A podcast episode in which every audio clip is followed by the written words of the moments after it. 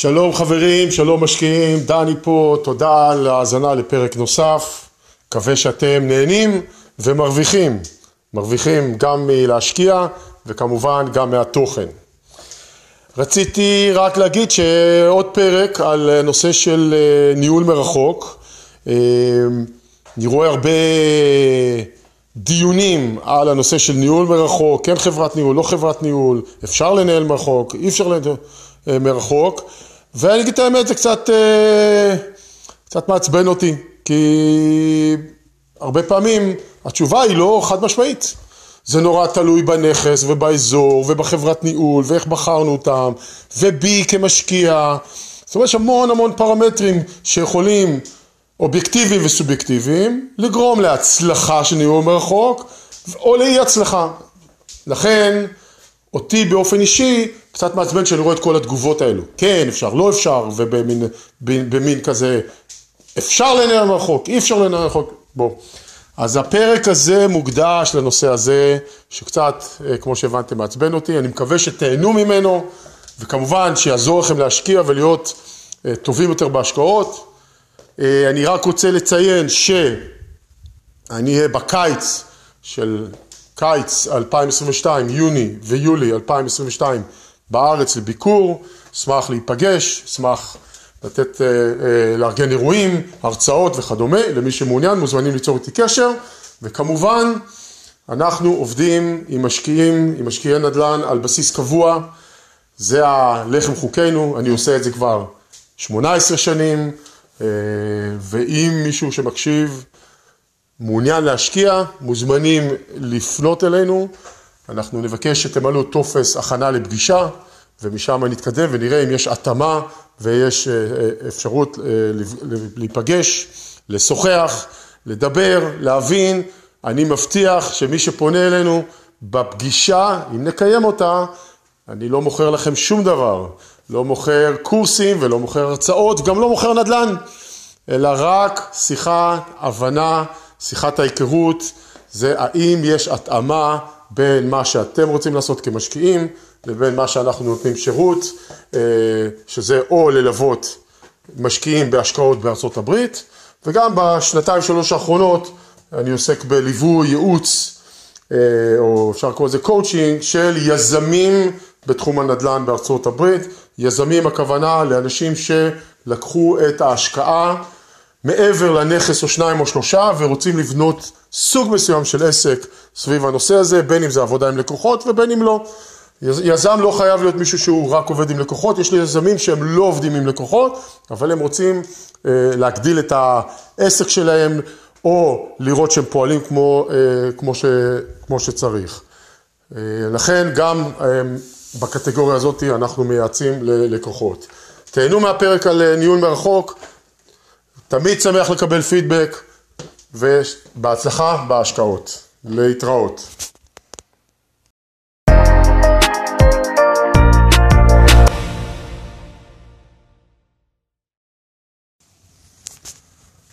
נושא של חברת ניהול וניהול נכס ברחוק, בשלט רחוק, זה נושא שכנראה לעולם לא נפסיק לדבר עליו, לדסקס, לטעון נגד, לטעון בעד, מורכב כמו החיים עצמם כמובן. אני רוצה רגע לגעת אבל בנושא הזה בכל זאת,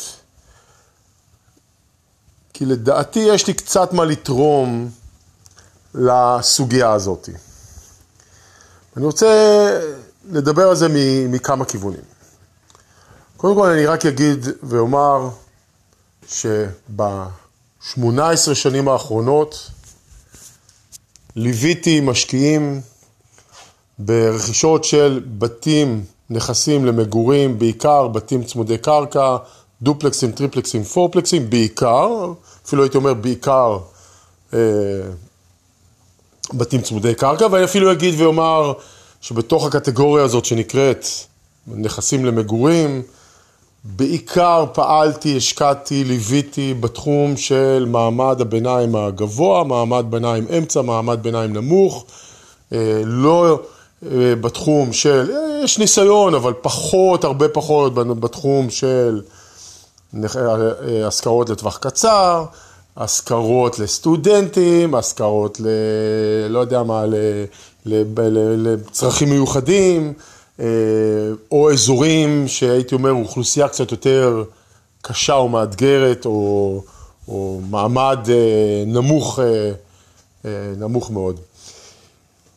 לאורך השנים האלו גם, רוב הפעילות שלי, אולי אם לא, אה, אה, רוב הפעילות שלי, היא עבודה עם חברות ניהול. וחברות ניהול, חברות ניהול שמתאימות את רמת השירות שלהם, את רמת התשתית שלהם, תשתית העבודה, לסוג הנכסים שבהם אני גם בוחר להשקיע או ללוות משקיעים. אה, שזה אולי נשמע שחברת ניהול זה חברת ניהול זה חברת ניהול, אבל בהחלט אפשר לראות שיש חברות ניהול שה... נקרא לזה ההתמחות שלהם, או התחום הנוחות שלהם זה, אה, זה אולי נכסים יותר עם שכרי דירה יותר נמוכים, אוכלוסייה שאולי קצת יותר מאתגרת, ואז זה אומר שגם צריך לתמוך בזה בצורה קצת שונה. מול אה, באופן שונה נכסים להשכרה של טווח קצר, זה שונה לגמרי, יש צרכים אחרים, יש אילוצים אחרים, וכמובן אוכלוסייה שהיא מעמד ביניים פלוס מינוס, אה, גם כן יש לו התנהלות שונה אה, לחלוטין, וכל החברות האלו מתאימות את עצמם לאיפה ש... למה שנכון עבורם. אז בואו נדבר רגע על חברות ניהול. אני אתחיל ואגיד שבכל ביקור שלי בישראל, זה גם קורה לא רק בביקורים בישראל, אבל הרבה יותר בולט בביקורים אה, כשאני מגיע לארץ, ואני לא מעט רואה את זה גם בפורומים השונים. יש הרבה דיון סביב חברות הניהול, כמה הם חארות, דפוקים, רמאים אה, וכיוצא בזה. אחד הדברים הכי בעייתיים, לפי דעתי, זה שבעצם הרבה משקיעים נכנסים מראש להשקעה שהיא עם הרבה מאוד בעיות מלכתחילה. זאת אומרת, בית ישן, באזור, אה, נגיד נקרא לזה קשה, או, או אה, דיירים מאתגרים, מראש יוליד יותר בעיות בין אם זה בגלל גיל הבית, בגלל מצב הבית, או בגלל הדייר, סוג הדיירים, מבית שהוא בן 10 או 15 או 20, באזור של אה, מעמד ביניים בינוני גבוה וכדומה, עם האוכלוסייה קצת יותר אה, במצב כלכלי יותר טוב, שלרוב אין לה בעיה לשלם את השכר דירה ולהימנע מבעיות. זה לא אומר שאין בעיות כמובן, זה פשוט התדירות שבה זה קורה. לכן, מי שמשקיע בסוג כזה של נכסים זולים, באזורים יותר מאתגרים מבחינת האוכלוסייה, מן הראוי שיצפה שיהיו יותר בעיות. למה אני אומר את זה? כי איכשהו באופן מפתיע שאני, בדרך כלל זה בא, אני רואה את זה או תוך כדי הרצאה או מיד אחרי הרצאה, ניגש אליי מישהו, בדרך כלל זה יותר ממישהו אחד, תשמע, אולי יש לך איזה רעיון, יש לי חמישה נכסים ב... לא יודע מה, ב... באינדיאנפוליס, שקניתי לפני שנה, שנתיים, שלוש, ב-50, 60, 70 אלף דולר, וכל הזמן יש לי בעיות עם החברת ניהול.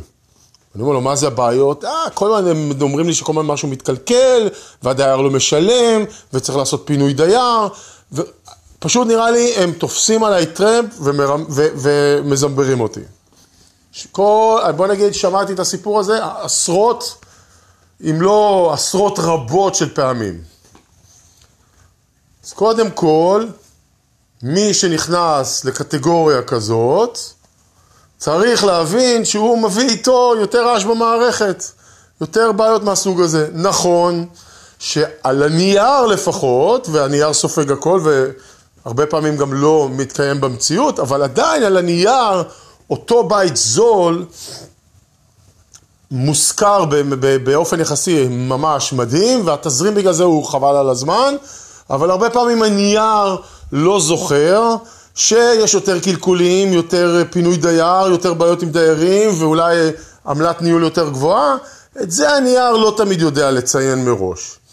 אז אם אנחנו קונים, לא יודע מה, אה, פורד מודל 84, אה, אז יכול להיות שיהיה לנו קצת חוויה שונה מאם נקנה, בוא נגיד, אה, אני לא יודע מה, אפילו טויוטה מודל 2015, מן הראוי.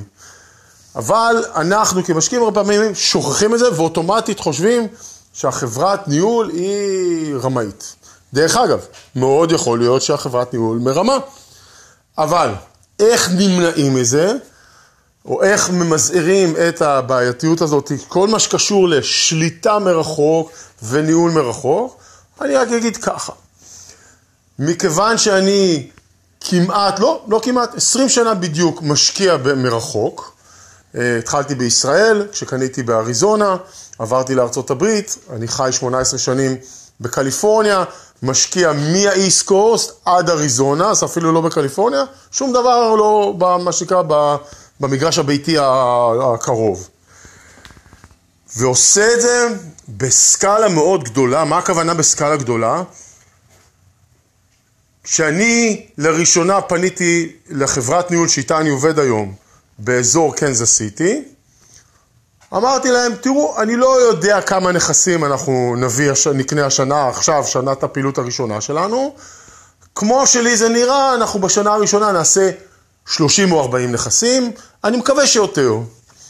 זה שאנחנו בשנת פעילות הראשונה קנינו כמעט 80 נכסים איתם, הפתיע גם אותי, ובטח שגם הפתיע אותם, אבל הם היו גם שמחים אם נביא רק 30 או 20 אפילו נכסים באותה אה, שנה. וזה רק שוק אחד, שנה אחת. לכן, אחד הדברים החשובים שלנו כמשקיעים שמסתכלים על הנושא הזה של ניהול מרחוק, דבר ראשון שצריך להגיד זה, האם אני רוצה בעיות או להימנע מבעיות כמה שיותר, לא להעלים בעיות, או איזה מידה, אני קורא לזה הרעש במערכת. האם אני מראש בוחר עסקה שיש לה הרבה רעש במערכת, או סביר להניח שיש לה הרבה רעש במערכת, מול עסקה שיהיה לה הרבה פחות רעש במערכת. שימו לב, אני מדגיש, אין בלי רעש במערכת, לא קיים, אוקיי? רעש במערכת זה קלקולים, רעש זה וייקנסי אה, אה, ארוכים, רעש זה תחלופת דיירים יותר, רעש גבוה, תחלופת דיירים, אה, וכמובן, eviction, וכמובן שיש חברת ניהול, זה האנשים, לא משנה אם זו החברה הכי טובה בעולם, או החברה הכי גרועה בעולם, תמיד יהיה אי הבנה, קצר תקשורתי, מישהו שכח, אנשים, זה מה שנקרא the human factor, הוא תמיד שם. עכשיו, אם אני בוחר סוג של עסקה בסגנון פורד מודל 84, אני צריך לצפות ולהבין שהולך להיות לי פה פוטנציאל, אולי יהיה לי מזל ולא, אבל סביר להניח, יותר בעיות, יותר רעש, עוצמת הרעש תהיה חזקה יותר, תדירות המקרה הרעש יהיה גבוה יותר, ויש לזה אולי איזשהו מחיר, התזרים, השכר דירה יהיה גבוה יותר. זה, זה ה trade off. מצד שני, אם אני הולך לעסקה שזה הטויוטה מודל 2015, אה, סביר להניח שיהיה לי רעש, הרבה פחות בחוד התדירות ופחות בעוצמה. אין, אין, אין, אין גרנטי, אבל סביר להניח. עכשיו, אם אני משקיע מרחוק, דבר ראשון שאני צריך להבין, ופה נופלת אחריות מצד אחד גם עלינו כאנשים שצריכים להפעיל כמשקיעים איזשהו common sense לגבי ההשקעה, ואני מקווה שכל מלווה השקעות יודע גם לעשות סוג של תיאום ציפיות ללקוחות ולהגיד להם, תראו, יש את היתרונות למה העסקה הזאת טובה, ויש את החסרונות. קחו בחשבון שיהיה לכם ככה וככה וככה יותר רעש או פחות רעש. אבל גם אם המלווה ההשקעות לא יודע להגיד את זה, או יכול להיות שהוא גם מסתכל על עסקה ואומר, אה, זה... אני לא מחשיב את זה כרעש, ובפועל זה הרבה יותר ממה שאנחנו מצפים, עדיין חייב להיות שאנחנו נביא איזשהו היגיון בריא לעסקה ונבין לקראת מה אנחנו הולכים. אני מקווה, לא תמיד זה קיים ולא תמיד יודעים מה לשאול, אבל זה, זה מאתגר. ויכול להיות שאנחנו נלמד את זה בדרך הקשה.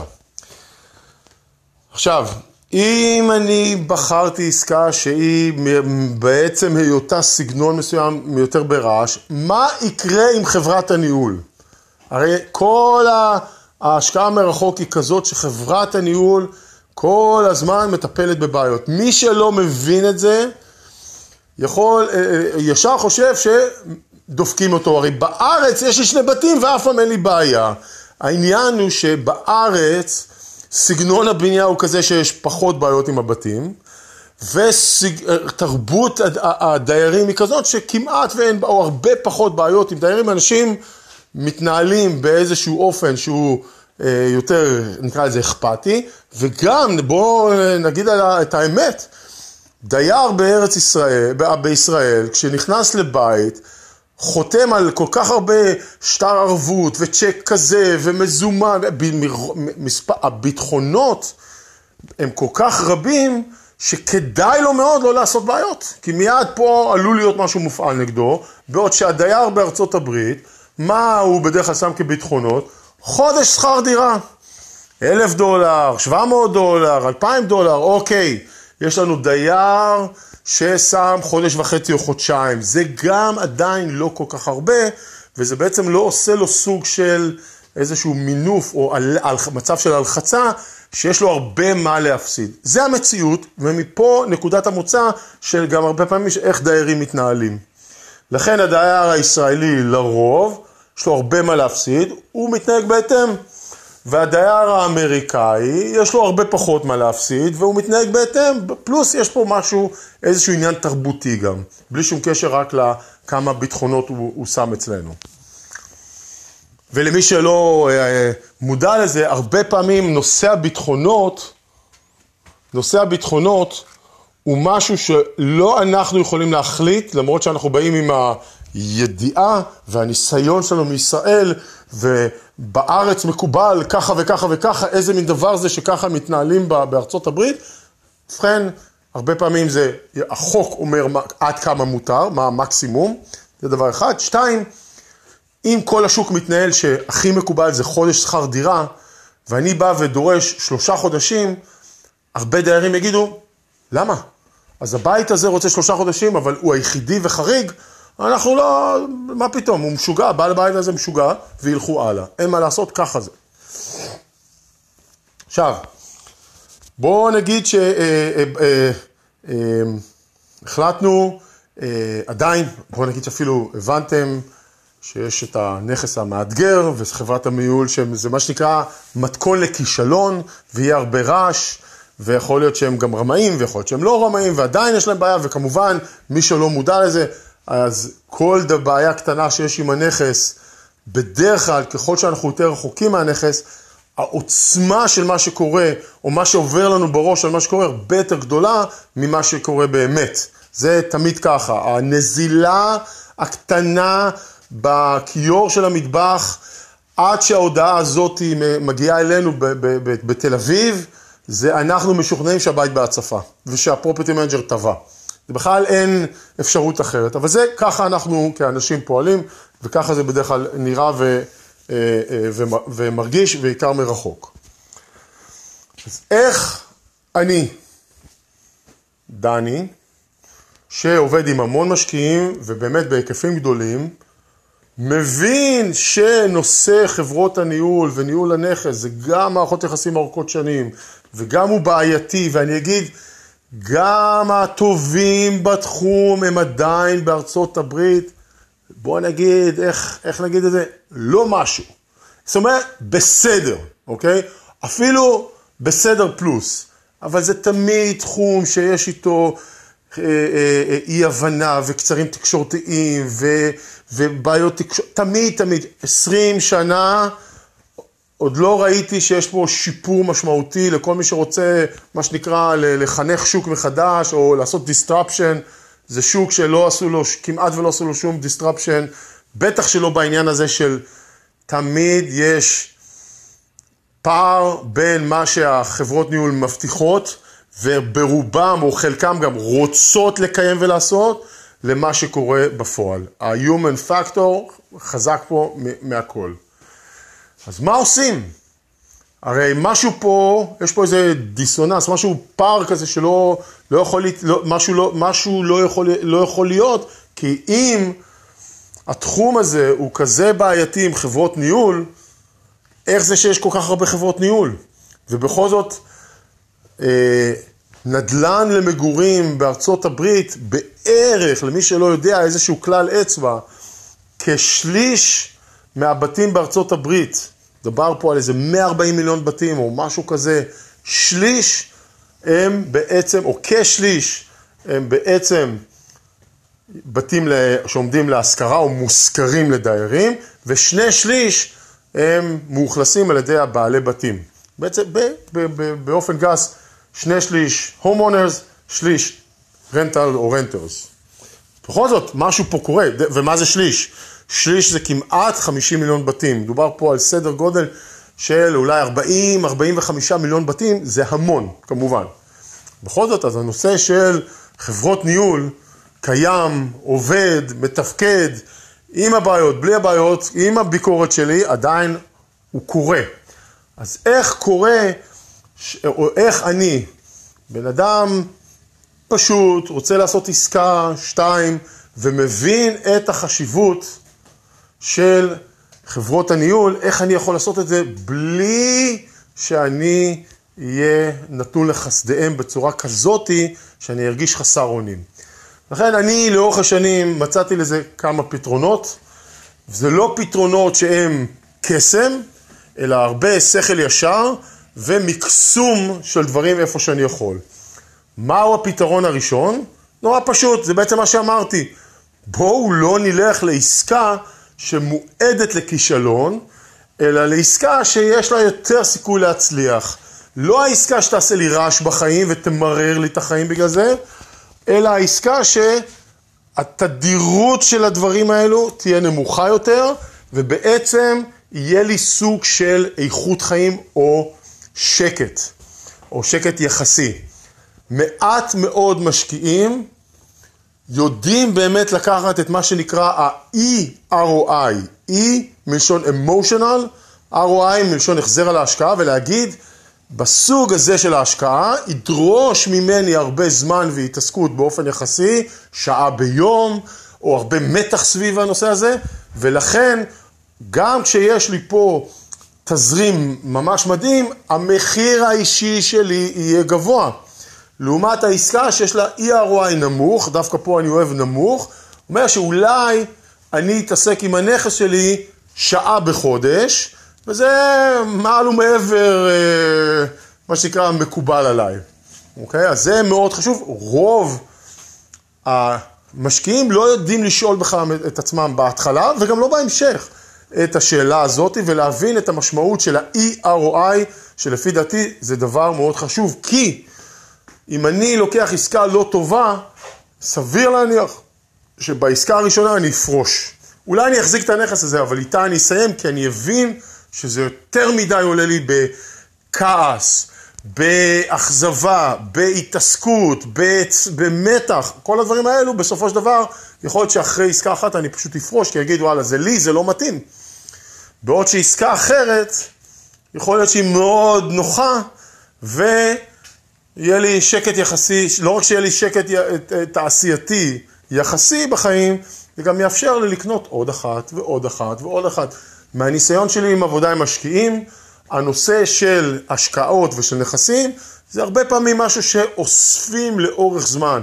קונים אחד, מחכים, רואים שהכל בסדר, קונים עוד אחד, מחכים, רואים שהכל בסדר, קונים עוד אחד, לא תמיד ככה, אבל הרבה פעמים, גם בזמן הזה אולי רק חוסכים את ההון העצמי לעסקה הבאה. לכן, הדבר הראשון, לבחור את העסקה הראשונה, זה הדבר הכי טריוויאלי, הכי פשוט מהרבה בחינות, והמקום הראשון שרוב האנשים אה, אה, טועים בו, כי למה? מסתכלים על הדולרים. וואו, עסקה של 75 אלף דולר שמושכרת באלף דולר בחודש, וואו, זה מדהים. אין דברים כאלו. זה מה שנקרא לקנות ולשגר ולשכוח וכסף, בום בום בום בום בום, ממש לא. אוקיי? אז בטח, אבל רק, רק אחרי שקנינו והבנו שזה לא בהכרח ככה, ואני לא אומר שזה רע. יש לא מעט משקיעי נדל"ן מישראל ובארצות הברית שאוהבים רק נכסים זולים ורק את, ה, את התזרים הזה, והם מבינים את המחיר ואין להם בעיה, ו, אה, וזה מה שהם רוצים לעשות. אה, וזה בסדר גמור, זה אין נכון, לא נכון, זה יש רק להבין מה נכון עבור כל אחד. ואז לא לבוא ולהתלונן שהחברת ניהול דופקת אותי, שמראש הנכס הזה הוא בעייתי, אוקיי? אה, סתם אנקדוטה קטנה. הדבר הבא זה בעיניי אחד הדברים הכי חשובים ו... שאפשר למקסם עליהם, כוח קנייה. אם אני בא לחברת ניהול עם נכס שניים שלושה, אני חלש. אני חלש במיקוח, אני חלש בהשפעה, אני חלש באיך איך הם התייחסו אליי, לקוח מועדף, לקוח רגיל, חלש. וזה יקשה עליי. בעוד שאם מצטרפים לחברה כמו שלנו, עם כוח קנייה, ובאים לחברת ניהול ואומרים לה, תקשיב, אנחנו הולכים לקנות 20 בתים פה. זה לא הרבה 20 בתים, אבל זה מספיק בשביל חברת ניהול תגיד, וואלה, יש פה קבוצה שאם היא באה אליי, אני מקבל, אני מקבל מהם 20 בתים, מצבי יותר טוב, והאמת, שהכוח קנייה הזה, גם יביא לנו הנחות בתעריפים, ויותר חשוב, ייתן לנו שירות יותר טוב. ולא רק שזה ייתן לנו שירות יותר טוב, שירות יותר טוב זה גם כשאנחנו בשוטף, ושירות יותר טוב זה כשיש בעיות ויש חריקות ויש את הרעש הזה, איך אותה חברה הולכת להתנהל. ואני אתן לכם סיפור משבוע שעבר. יש לי זוג משקיעים מארצות הברית שקנו בית ב... ועובדים עם חברת ניהול שאנחנו בחרנו. שאנחנו, simply do it, החברה שלי, זה ה account הכי גדול של החברה הזאת, ואומר כל המשקיעים שלנו מגיעים דרך, המ... דרך המטריה הזאת, המעטפת הזאת שנקראת simply do it, והם מקבלים הנחה ושירות בהתאם.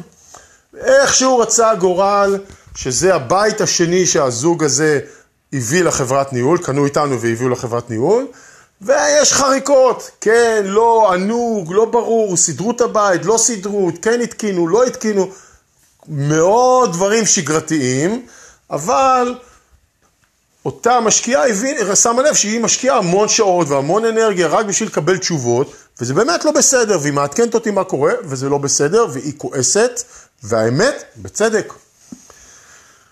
והיה באמת איזשהו אה, טיפול לא, לא מקצועי ב, ב, ברמה הכי גבוהה, כמו שאני מכיר את החברה הזאת, שזה, יש לה באמת אה, יכולות טובות. משהו שם לא יודע, משהו התפקשש. אני לא יודע אפילו להגיד למה. מישהו לא הרגיש טוב, מישהו לא... משהו. בסדר? קורה. דרך אגב, לא שום דבר קטסטרופה, פשוט במקום שזה יזרום חלק, כל הזמן היה, היה בעיות, היה, היה בעיות. ואני הייתי מעורב וחשבנו שטיפלו בזה ולא טיפלו בזה. הגיעה הנקודה שהיא אמרה לי, תקשיב, דיברנו, חשבנו שהכל בסדר, הדברים עדיין לא בסדר, אמרתי לה, עצרי. פה, תני לי עכשיו, מה שנקרא, להעלות את רמת הטיפול. והתקשרתי לבעלים של החברה.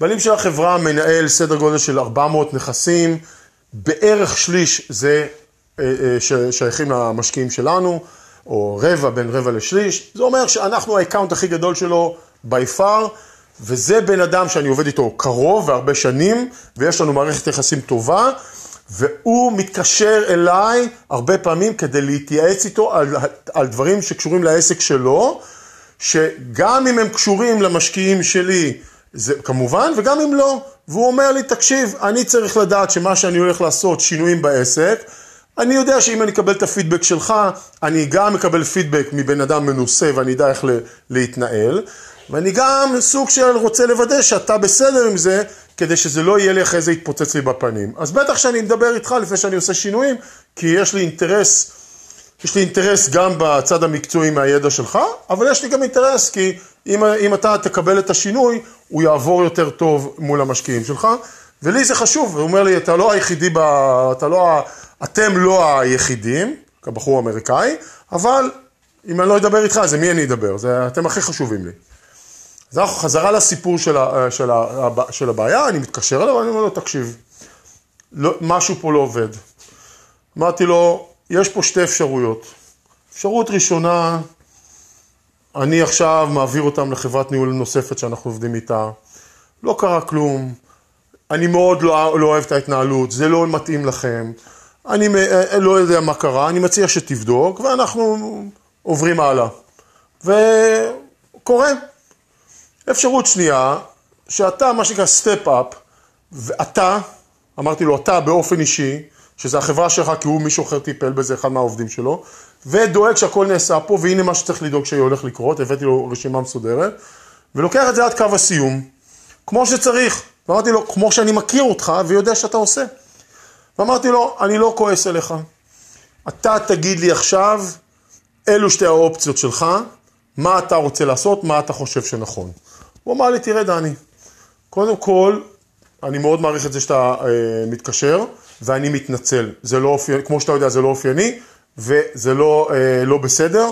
אני אפילו לא הולך להתגונן, אני הולך לתקן עכשיו את הסיטואציה. הוא אמר לי, מה שאני מבקש זה כזה דבר. תן לי הזדמנות לתקן את מה שקרה פה, אני אדאג לזה באופן אישי, שהכל יתקתק כמו שצריך, לא אף אחד אחר בחברה, והוא אמר, תקשיב, אני רוצה לתקן את הסיטואציה, כי לי חשוב שלך, דני, יהיה ברור שאני לא סתם אה, מילים, ואנחנו דואגים ללקוחות שלך כמו שצריך, ואני מבין גם שמאוד יכול להיות שגם אחרי שאני עכשיו אטפל בכל הסיטואציה הזאת ויביא את זה למקום שזה בו אמור להיות, הלקוחה הזאת תקום ותעזוב. אני מבין את זה לגמרי, וזה בסדר. אבל לפחות אני יודע שאני עשיתי את מה שצריך, כדי שהלקוחה שלך תדע, וכדי שאתה תדע. כי זה מה שקובע, הדברים האלו קורים, אבל מה, איך אנחנו מתנהלים כשהם קורים, זה הדבר החשוב, ותן לי את ההזדמנות הזאתי, ואם אתה מסכים, דני, אני אקח את ההזדמנות ואני אעשה את זה כמו שצריך, ואני מבקש ממך לאפשר לי לעשות את זה. ממש ככה. והכל בשיחה נעימה, הכל כמובן באנגלית, הכל עם מישהו שיש לי הרבה אה, תקשורת איתו ולא נזרקות מילים לאוויר, ואני גם יודע את האיכות העבודה שלו, לכן הסיטואציה הזאת מאוד לא אופיינית, ובאמת, מה שקרה, זה אפשרנו לו לסיים את ההתנהלות, ובינתיים הלקוחה אמרה, אני נשארת איתו, אבל היא כאילו אמרה, אמרה לא בצורה ברורה, וככה עם גיבוי שלי, זה סוג של מה שנקרא זמני, אם ימשיכו הבעיות אני אה, עוצרת ועובר, והוא אמר לה בסדר גם, הוא, הבין את זה, והיה לו מאוד חשוב שלא יישאר טעם לא טוב מולי, מול החברה שלי, אה, בכל הנושא הזה. לכן, כוח הקנייה הוא דבר סופר חשוב, אוקיי? לא תמיד אנחנו יכולים ל... אה, אה, למצוא אותו, אבל אם אנחנו יכולים להתאגד כמה חברים או כמה ידידים שהשקיעו באותו אזור ולהגיד בואו נפעל ככוח ויהיה לנו כוח מול לפחות ספק אחד אם לא כמה, זה מאוד מאוד מאוד יעזור, יסתכלו עליכם אחרת לגמרי והכוח קנייה זה דבר מאוד מאוד חשוב פה. הדבר הנוסף זה לבדעת, לבדוק את החברות ניהול כמו שצריך. אני אגיד שזה משהו שלוקח הרבה שנים, ויש פה הרבה דברים שצריך להסתכל עליהם, ואני לא ארחיב אותם כי זה חלק ממה שאנחנו עושים, ואני לא משתף הכל עם כולם. אבל אני אגיד לכם ככה, כשאני בודק חברת ניהול, או כשאני נכנס לאזור חדש, אני בטח מדבר עם בין שלוש לשמונה חברות ניהול. שיחה ראשונית והיכרות. ואני מנפה מהר את אלו שנראים לי בעייתיים. ואז אני. עושה עם ה-2, 3, 4 שנראות לי קנדידטיות נכונות, ויש לי פרמטרים מאוד ברורים מי הוא קנדידט ראשוני טוב ומי הוא לא, ומי שלא עומד ברשימה של, הקנדיד... של הפילטר הראשון, אני פשוט לא מתקדם איתו. אני מנהל שיחה עם כל אחת מהחברות האלו, אני קורא לזה שיחה, אבל האמת זה סוג של חקירה. ואני, זה בדרך כלל לוקח בין שעה וחצי לשעתיים, רק לרדת לכל הפינות שלהם, או רוב הפינות שלהם, בשביל להבין היטב איך הם פועלים. זאת אומרת, יש לי רשימה, אני חושב, של 40, 50 שאלות, אולי 60 שאלות, אה, שאני ככה עובר על זה, ויש לי היום כבר, לאורך השנים, יש לי רשימה, אקסל מסודר, עם מי דיברתי, מה דיברתי, כל השאלות בכל אחד בעמודה שלה, מה התשובה וכדומה, ואז אחרי שאני מדבר עם כל החברות שנראה לי רלוונטיות, אני מסמן לי איפה הבעייתיות הייתה בשיחה, מה, מה, מה שנקרא הדגלים האדומים, ולפי זה אני חוזר לאחת או שתיים שנראות לי היותר נכונות, ואז אני גם מסביר להם, אומר להם, והייתה לי בדיוק היום שיחה כזאת, ומסביר להם איפה הדברים שנראו לי בעייתיים, מה אני מבקש שהם יעשו מבחינת תעריפים, כלומר הנחה, דברים שהם לא עושים או שהם עושים בתשלום, איך אני רוצה שהם יתנהלו, ואז אני, אה, אה, אה, אם הם מסכימים, יש סיכוי שאנחנו נתקדם ונעבוד ביחד, ויש עוד רשימה של מספר דברים שאני עושה לפני שאני מאשר חברה להיכנס כחברת ניהול אצלנו במערכת. משהו בתהליך הזה שאני עושה פועל טוב. איך אני יודע שהוא פועל טוב? אז ככה, קודם כל, במשך ה-12-13 שנים האחרונות פיטרתי חברת ניהול אחת, אחת בלבד. פיטרתי חברת ניהול אחת כי השירות שלהם לא היה מספיק טוב. לא רימו, לא עבדו על אף אחד, פשוט לא מספיק טוב לסטנדרטים שלי, איך שאני רציתי, ולמען האמת, גם לסטנדרטים שלהם.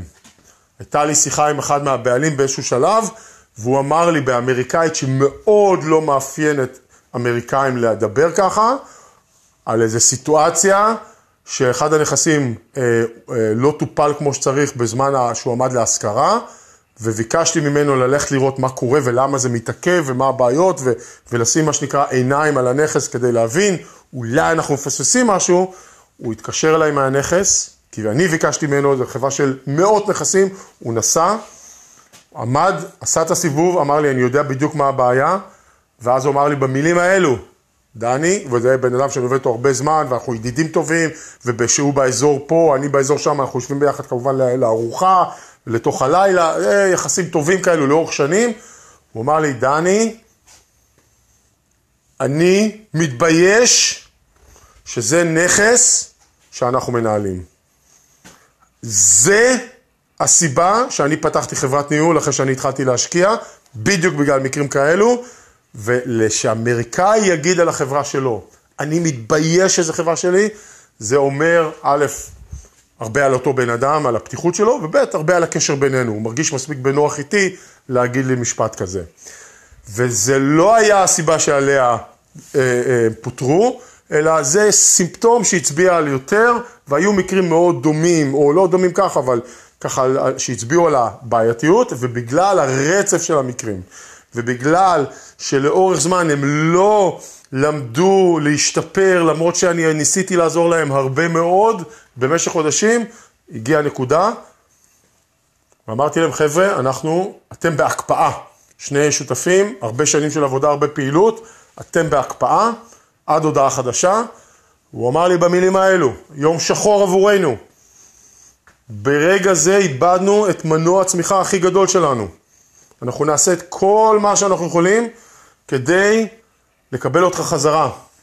וזה היה אה, לא פעם אחרונה שדיברנו, אבל בהחלט מאז אה, לא חזרנו לעבוד ביחד, למרות שהיו מספר ניסיונות מהצד שלהם לאורך השנים. שוב אני מציין, פעם אחת, החברה לא קטסטרופלית, חבר'ה טובים, אבל האיכות של השירות לא הייתה מספיק טובה, לא נעשה שום דבר שהוא מהסיפורים הנוראים שאנחנו מכירים על חברות ניהול. לכן אני חוזר ואומר, יש הרבה אנשים שאני רואה בפורום שאומרים לנהל מרחוק זה בלתי אפשרי ולנהל מרחוק זה קשה, ודרך אגב, היו פעמים לאורך ההיסטוריה ועדיין יש, שגם בלי כוח הקנייה אני אה, אה, עם נכס אחד או שניים או שלי התנהלתי מול חברה זו או אחרת, בלי כל ההוא-הא של הכוח קנייה, אבל ידעתי לבדוק אותם היטב, היטב, כדי להימנע מהבעייתיים, ומראש אני אגיד, ידעתי להימנע מהנכסים הבעייתיים. לפני מספר שנים החלטתי שאני קונה שני נכסים בעייתיים כאלו, מה שנקרא, אחד היה ב-34 אלף דולר ואחד ב-50 אלף דולר, באזור כזה, אה, לא משהו, אבל בסדר, ונכסים בדיוק את מה שאני כל הזמן לא אוהב. אמרתי, אני קונה. למה? מצאתי את החברת ניהול שזה יודעת להתנהל כמו שצריך, גם בקטגוריה הזאתי.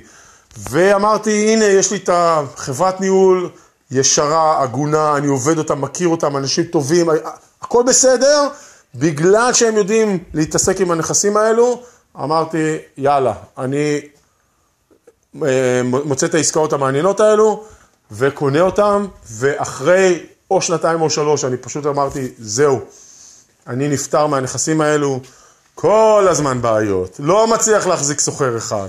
כל פעם שיש תיקון זה הרבה יותר יקר, כי זה לא רק להחליף דוד מים, זה כבר צריך להחליף את הדוד מים, שזה לא נורא, אבל הוא צריך לסדר את כל ה, מה שנקרא, את ה-up to code מסביב, עם החגורות והרצועות, והאלפחת והאלפסק והמים והחיבור והבמה. כל פעם שהיה לך משהו, זה תמיד היה יותר יקר, למה? נכס ישן, הכל not up to code לפי הקוד הנוכחי, וכל תיקון הוא עוד יותר. ודיירים ככה ודיירים ככה, והבית עומד ריק, והבנתי, תודה רבה. מראש אמרתי לעצמי, הנה, מצאתי את החברת ניהול הטובה, הם היו בסדר גמור, אבל גם החברת ניהול טובה, גם השוק טוב, גם המספרים על הנייר עבדו נהדר, והם, הנה, שוב פעם, המציאות טפחה ואמרה, בית ישן מאוד, הרבה בעיות. דיירים קשים, הרבה בעיות. מה אתה מצפה? כאילו שלא ידעת. בכל זאת ניסיתי שוב, והבנתי שזה לא נכון עבורי.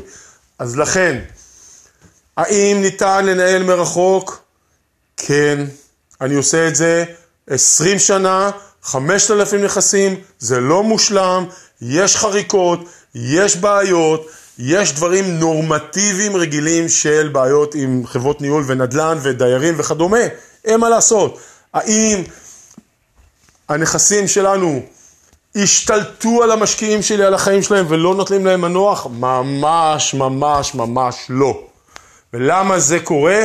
כי בבסיס יש פה החלטה טובה על איזה נכסים לקנות, זה הכי, הכי בסיס, הכי ליבת העניין. שתיים, בדיקת היטב של חברות הניהול, מה זה בדיקה? חבל על הזמן איזה בדיקה אה, אנחנו עושים. ושלוש, מעל הכל, הדובדבן שהוא חשוב, כוח קנייה. אנחנו באים כקבוצה, ודרך אגב אני מזכיר לכם, כשאני מתחיל מערכת יחסים עם חברת ניהול חדשה, אני לא בא עם קבוצה. אני בא עם, עם הרבה רוח וצלצולים והבטחות, ואני אגיד ואני אספר, אבל הם מבינים שפה מישהו הולך להביא הרבה נכסים לאורך זמן, והם מראש מוכנים להתיישר לפי הקו הזה. וכשאנחנו הולכים עם שלושת החוזקות האלו, כל הנושא של ניהול, הנכ... ניהול הנכסים הופך להיות יותר בר ניהול קל. עדיין יהיו בעיות, אבל לפחות יהיה מענה יותר טוב, נדע אם אנחנו מתעסקים, ועד היום באמת בנושא של הנכסים להשכרה, לא תפסנו אף אחד על רמאות, על גניבה, על שקר, על איסוף שכר דירה ולא לתת אותו לדייר. יכול להיות שדברים כאלו היו, אבל בהחלט לא משהו שהוא, אה, שהוא אה, אה, אה, בוא נגיד, חזר על עצמו או, או, או קרה, ואם זה היה קורה, זה גם היה עילה להפסקת מערכת היחסים באופן אה, אה, מיידי.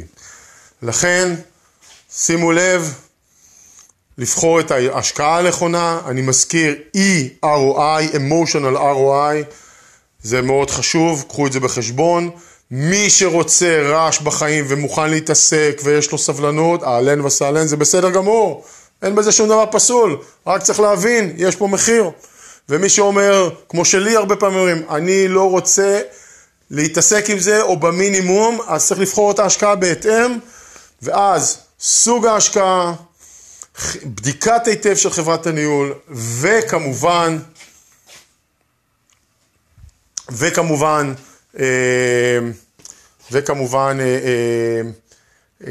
כוח קנייה. תודה, ונשתמע בפרק הבא.